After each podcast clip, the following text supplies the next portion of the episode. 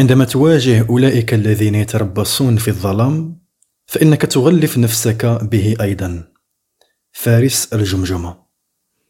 فارس الجمجمة هو شخصية غامضة ونعت نفسه بأنه عدو لا بشر وقد شن حربا ضد الشياطين لمدة ألف عام.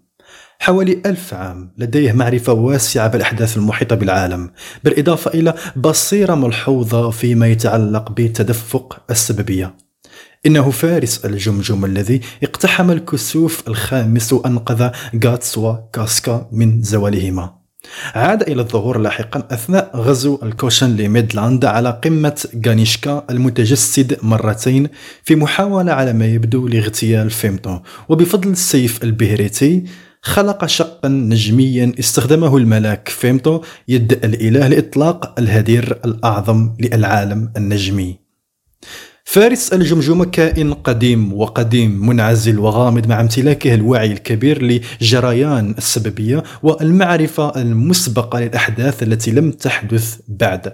على هذا النحو فهو يمتلك رؤية واقعية وحشية للعالم. وفي كثير من الأحيان يستشهد بحتمية تدفق السببية. على الرغم من هذه النظرة فقد أثبت أنه بطولي للغاية وأنقذ غاتس ورفاق المبارز ولوكا في أحداث متعددة. ومع ذلك فقد تساءلت فلورا الساحرة عما إذا كانت أفعاله خارج نطاق الاهتمام الحقيقي أم أنها مجرد وسيلة لتعزيز أجندته الخاصة. وهو استفسار يتجاهله فارس الجمجمة. إنه يقدر في النهاية إرادة الإنسان للبقاء على قيد الحياة وتحدي المصير المحدد. ويشجع غاتس على مواجهة السببية وتسميته على نحو مناسب بالمناضل. كما أنه يتمتع بالبصيرة النفاذة ويحذر غاتس من أن رغبة كاسكا الحقيقية قد تختلف عن رغبة السياف الأسود. لدى فارس الجمجمة منافسة طويلة الأمد مع الخالد زود الذي دائما ما يكون متحمسا لمحاربة الفارس ويطلق عليه لقب الصديق القديم زود. عادة ما يكون غير مبال بزود فارس الجمجمة وعلى الرغم من أنه يعترف صراحة بتاريخهما وتنافسهما كما أنه يعرف أيضا الساحرة فلورا وعلى ما يبدو أنه كان على علاقة وثيقة بها منذ عدة مئات من السنين على الأقل. يكتنف ماضي فارس الجمجمة بالغموض. إنه يحمل عداوة خاصة ليد الإله. وقد وصفه عدد من الأفراد بالملك وجلالتك. وقد أكد أيضا أنه كان يرتدي سابقا درع الهائج. وكانت خوذة الدرع التكيفية على شكل جمجمة قبل أن يرتديها غاتس. وعلاوة على ذلك وفقا للشركي فإن من ارتداه سابقا درع الهائج قاتل حتى نزفت منه آخر قطرة دم. في مرحلة ما صنع درعه الحالي بواسطة الحداد القزم هانر ولديه أيضا تاريخ مع العديد من الأفراد القدامى مثل الخالد زود وفلورا وهذه الأخيرة يعتبرها عزيزة. لنعد الآن إلى الأحداث الماضية من العصر الذهبي. في ليلة رحيل غاتس من فرقة صقر يقترب منه فارس الجمجمة لأول مرة ليترك له فأل. أثناء اقترابه من نيران مخيم غاتس فإن هالته وحدها تصل لغاتس في البداية مما أدى إلى شعور الصقر السابق بالقلق وعدم الارتياح.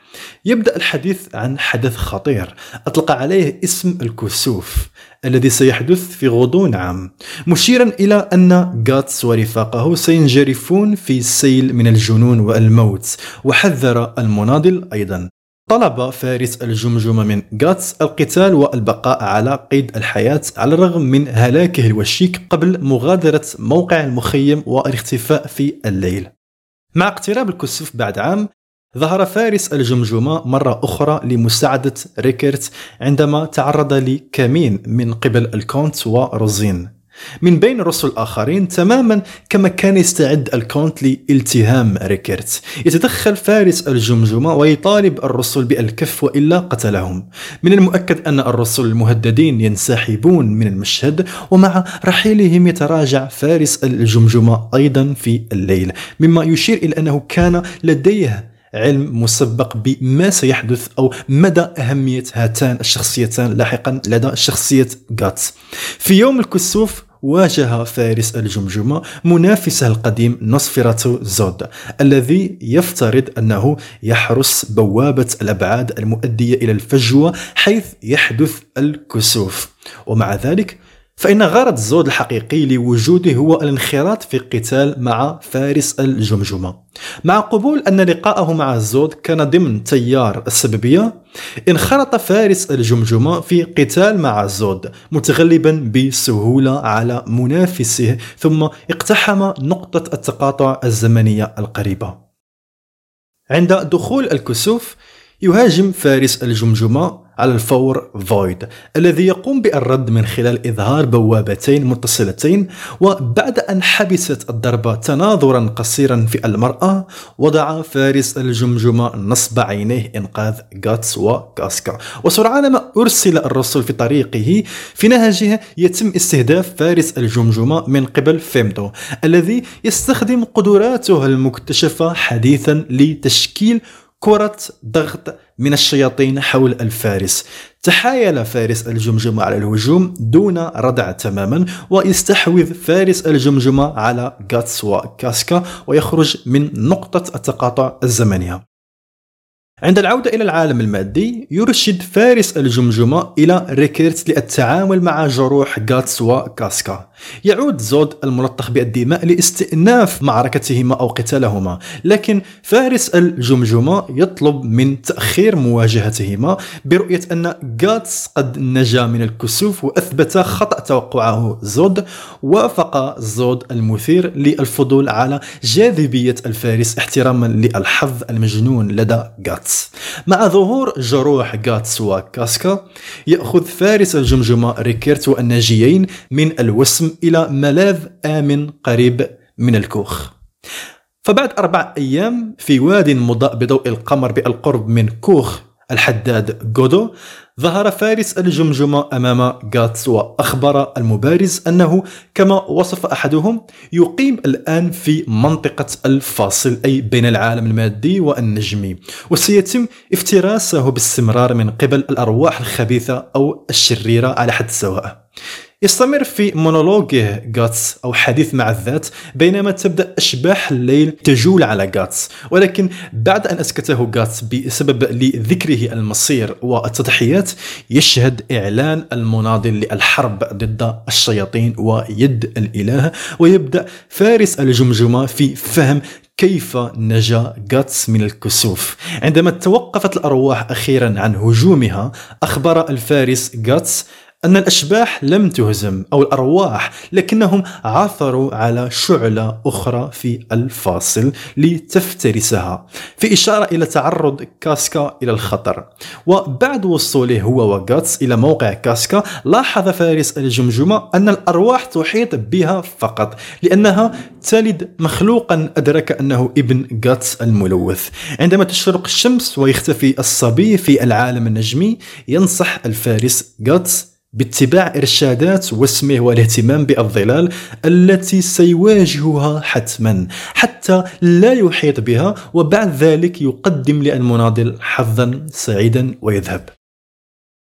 بعد ذلك في آرك الإدانة في الأرض المحروقة التي كانت ذات يوم في وادي الضباب يسير فارس الجمجمة عبر الوادي المهلك مدركا أن غاتس كان له دور ما في الدمار. استنتاجا بأن غاتس لم يسقط في أيدي الشر يتساءل فارس الجمجمة إلى متى سيتمكن المناضل من الاستمرار في طريق المذبحة. عند وصوله إلى شجرة روزين نزل عن حصانه ووصل إلى فجوة صغيرة بين جذور الشجرة واستخرج منها البيريت روزين ثم أكلها.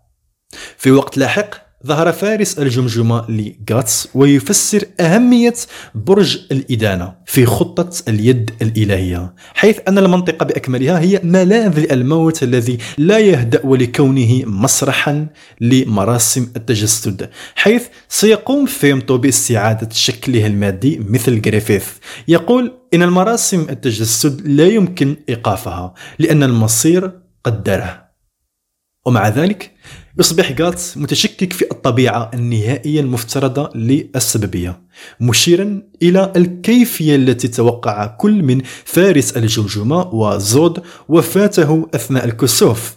مع ذلك فقد نجا. تأثر فارس الجمجمة بعزم غاتس والأسباب التي تجعل مراسم التجسد القادمة مختلفة عن الكسوف وأن غاتس قد يكون بالفعل سمكة قافزة في جريان نهر السببية وهذا هو السبب. قبل المغادرة مباشرة يترك غاتس برسالة فراق قاتل أو أنقذ. ستترك محبوبتك بمفردها. لن يكون الأمر بسيطا كاصطياد عصفورين. في الوقت المناسب تماما كما إنهار برج الإدانة جزئيا ينقذ فارس الجمجمة لوكا من السقوط حتى الموت ويأخذها إلى مقابر برج الإدانة. عندما تقابل بيضة العالم المثالي الاثنين يشرع فارس الجمجمة في ضرب الرسول. وهنا فشل هجومه في قتل البيضة مما دفعه لتشكيك مؤقتا في ثقة سيفه قبل أن يخلص إلى أن الوقت لم يكن وقت موت الحواري. لم يمضي وقت طويل على المواجهة وشهد الاثنان مظاهرا واسعة النطاق للحقد السائد في ألبيون. إدراكا أن الخبث يتشكل دون حدوث تقاطع زمني ويدرك فارس الجمجمة أن مراسم التجسد قد بدأت. بعد أن ابتعدوا بأنفسهما عن مراسم الافتتاح حذر فارس الجمجمة لوكا من العودة إلى البرج إذا كانت تهتم بحياتها. على الرغم من أنها تعود بغض النظر بينما تغادر لوكا يفكر فارس الجمجمة في حماقتها الجاهلة في حيرة إلى حد ما بسبب نظرتها الهادئة للموقف وعدم طلبها مساعدته. وعلى الرغم من ذلك يشير إلى أنه لن يكون قادرا على مساعدتها حيث كل التحركات كما لو كانت موازية لذلك الوقت وبعد فترة وجيزة قابله زود. عند الفجر ظهر فارس الجمجمة مرة أخرى فوق جدار برج مخترق في خضم المعركة وفي وقت ما بعد ذلك ينظر فارس الجمجمة إلى أنقاض المدينة على قمة جرف بعيد ويفكر في الأحداث التي ستأتي في أعقاب عودة جريفيث. لاحقا في آرك. صقر الألفية. تم التلميح إلى أنه كان الشخص الذي أخبر فلورا أن غاتس ومجموعته سيزورونها. ويظهر فارس الجمجمة للساحرة بعد مغادرة مجموعة غاتس الشجرة الروحية إلى قرية إينوك. عندما افترضت فلورا أن لديها خدمة يطلبها أجاب حتى لو لم أفعل ذلك بنفسي قد يكون هذا أيضا عاملا يسترشد بقانون السببية. لمساعدة غاتس في كليفوث مثلما تغلب على المبارز من قبل سلان محبطا لرؤيتها فقط وليس ملائكة يد الإله الأخرى. عندما استجمع غاتس أخيرا القوة لإتلاف سلان بذراعه المدفعة طمأنه فارس الجمجمة أن قاتل التنين الخاص به يزن من خبث المئات أو الآلاف من القتلى واستجابة لنصيحة فارس الجمجمة يخترق غات سلان في بطنها مما أدى إلى تحلل شكلها المفترض. اختفاء سلان المفاجئ له آثار سلبية على منطقة كليفوث ومع ذلك حيث يصبح قلب المجال فوضويا ويبدأ العارين في الانهيار هذا يجبر فارس الجمجمة على التلويح بسيف البهريت والذي يستخدمه لإيقاع السرب المتكاثر من الوحوش المقطوعة في دوامة سحيقة وإعادة غاتس إلى بر الأمان. في وقت لاحق داخل الشجرة الروحية يشرف فارس الجمجمة على اللمسات الأخيرة لفلورا على الدرع الهائج مشيرا إلى أنها يجب أن تكون على دراية بالخطر الذي يمثله وطبيعته الكارمية من الكارما أي الدورة ستعاد لكنها ذكرت أنها ستكون ضرورية في رحلة المستخدم المقصودة. وأن الخيارات التي اتخذتها هي والفارس ليست مقدرة لها بالتكرار وفجأة تم تنبيه كلاهما من غزو الرسل. يخرجون إلى الشرفة التي قفز منها فارس الجمجمة وهبط على حصانها. تسأل فلورا المتفاجئة عما إذا كان الفارس ينوي القتال نيابة عنها نظرا لوفاتها الوشيكة. وهو ما يؤكده مشيرا إلى أن موتها يجب أن يكون على نفس القدر من الراحة. بعد فترة وجيزة وصل جرامبلد وزود إلى الأراضي بحثا عن فلورا. بينما يقاتل غاتس وجرامبلد يختار زود صد منافسه ويأمر الرسل من الرتب الدنيا بإحضار رأس فلورا له. عندما حاول فارس الجمجمة تحويل تركيزه إلى مكان آخر أوقفه زود ووجد أنه من الغريب أن يهتم الفارس بامرأة وسط المعركة ويؤكد أنه الوحيد القادر على إبعاد الفارس. يرد الفارس أن كلاهما لهما أسباب مختلفة لمعارضة بعضهما البعض هذه المرة. خلال معركتهما شاهد زود غاتس وهو يرتدي درع الهائج ويتذكر المعارك السابقة بينه وبين منافسه ويشير إلى أن فارس الجمجمة يرغب في غاتس أن يتبع مساره. لاحقا على الشاطئ المضاء بضوء القمر ظهر فارس الجمجمة أمام غاتس محذرا من الضرر الذي يلحق بمستخدمي درع الهائج. وكشف أنه كان مالكا سابقا له. إنه يحذر غاتس من عدم الاستهانة بالدروع أبدا إذا أراد أن يستمر كإنسان بالنصيحة التي تلقيناها استفسر غاتس الفضولي من الفارس عن سبب هجوم الرسل عن فلورا. يكشف فارس الجمجمة أن جريفيث اعتبر على الأرجح فلورا عقبة في سعيه إلى التفوق الدنيوي نظرا لكونها لاعبة سحرية قوية. وأن أولئك الموجودين خارج حدود العالم المادي فقط هم من يمكنهم مواجهة صقر النور. في وقت لاحق أبلغ فارس الجمجمة غاتس بملك زهرة العاصفة في ألفهم مما يشير إلى أن الجن قد تكون قادرة على استعادة كاسكا. لكنه يحذر من أن ما ترغب به كاسكا قد يختلف عما يفعله المناضل. في ذروة معركة ويندام بعد أن جسد جريفيث شكله الحقيقي لفيمتو واقترب من رأس غانيشكا ظهر فارس الجمجمة وحاول ضرب الملاك من الخلف بسيف الرنين. ومع ذلك كان وصوله متوقعا وتم التلاعب بالسيف عبر تشويه الفضاء بواسطة فيمتو. الذي أعاد توجيهه إلى غانيشكا. يؤدي هذا إلى تفاعل متسلسل مع شكل غانيشكا المتجسد مرتين كحواري والذي ينتج عنه الهدير العظيم للعالم النجمي. مما أدى إلى ولادة فاصل فانتازيا العالمي وظهر مكان الرسول الشجرة الحلزونية العالمية.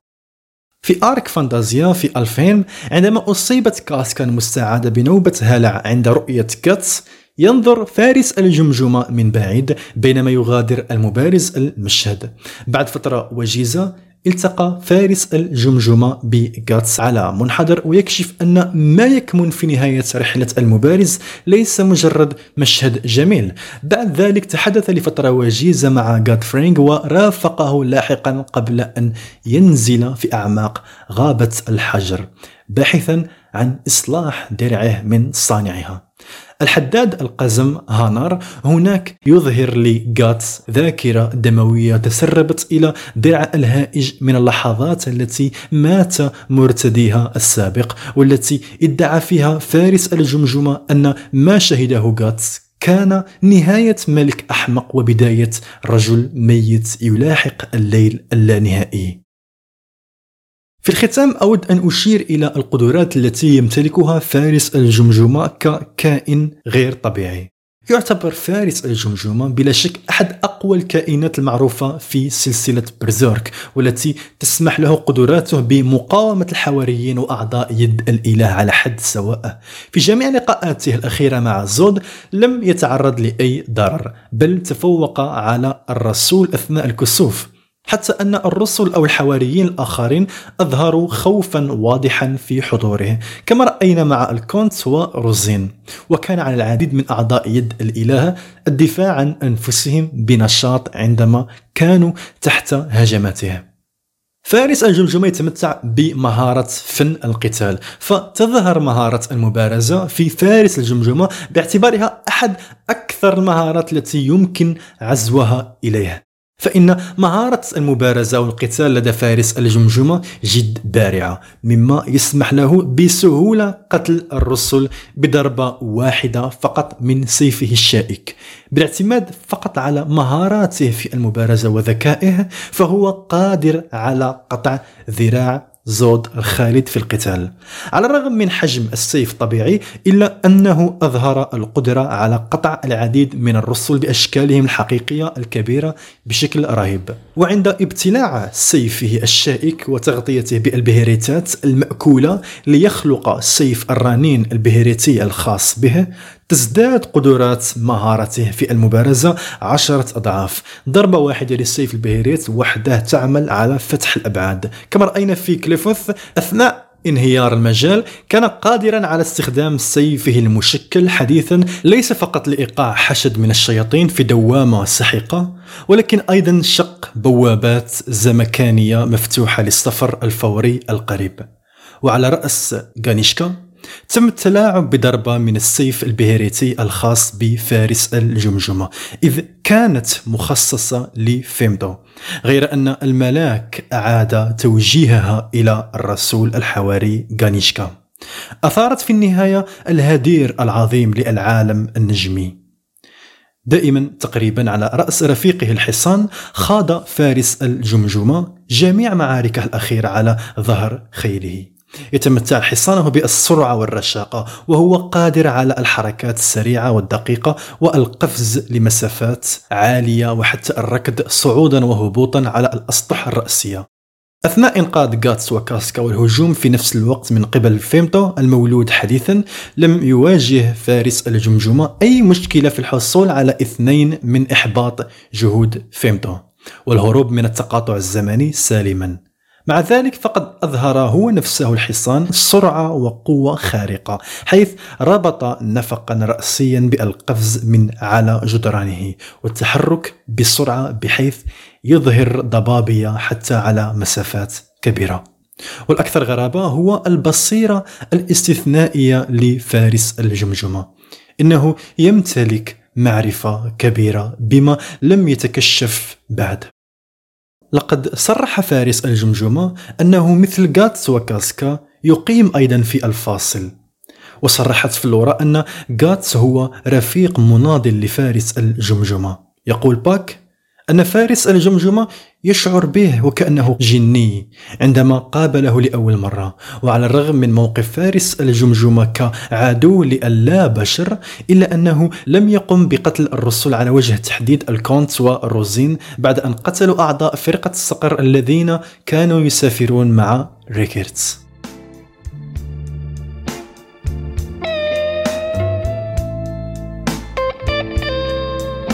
أرغب في شكركم على الاستماع إلى البودكاست وفي نفس الوقت أريد القول إذا كنت تريد تشجيعي على إكمال هذا العمل لديك شيئان لتقوم بهما. الأول بكل بساطة أن تترك ملاحظة رأي أو تعليق على منصة البودكاست أو المكان الذي تسمعني فيه. الشيء الثاني لدعمي على هذا العمل هو أن تشارك هذا البرنامج على منصات التواصل.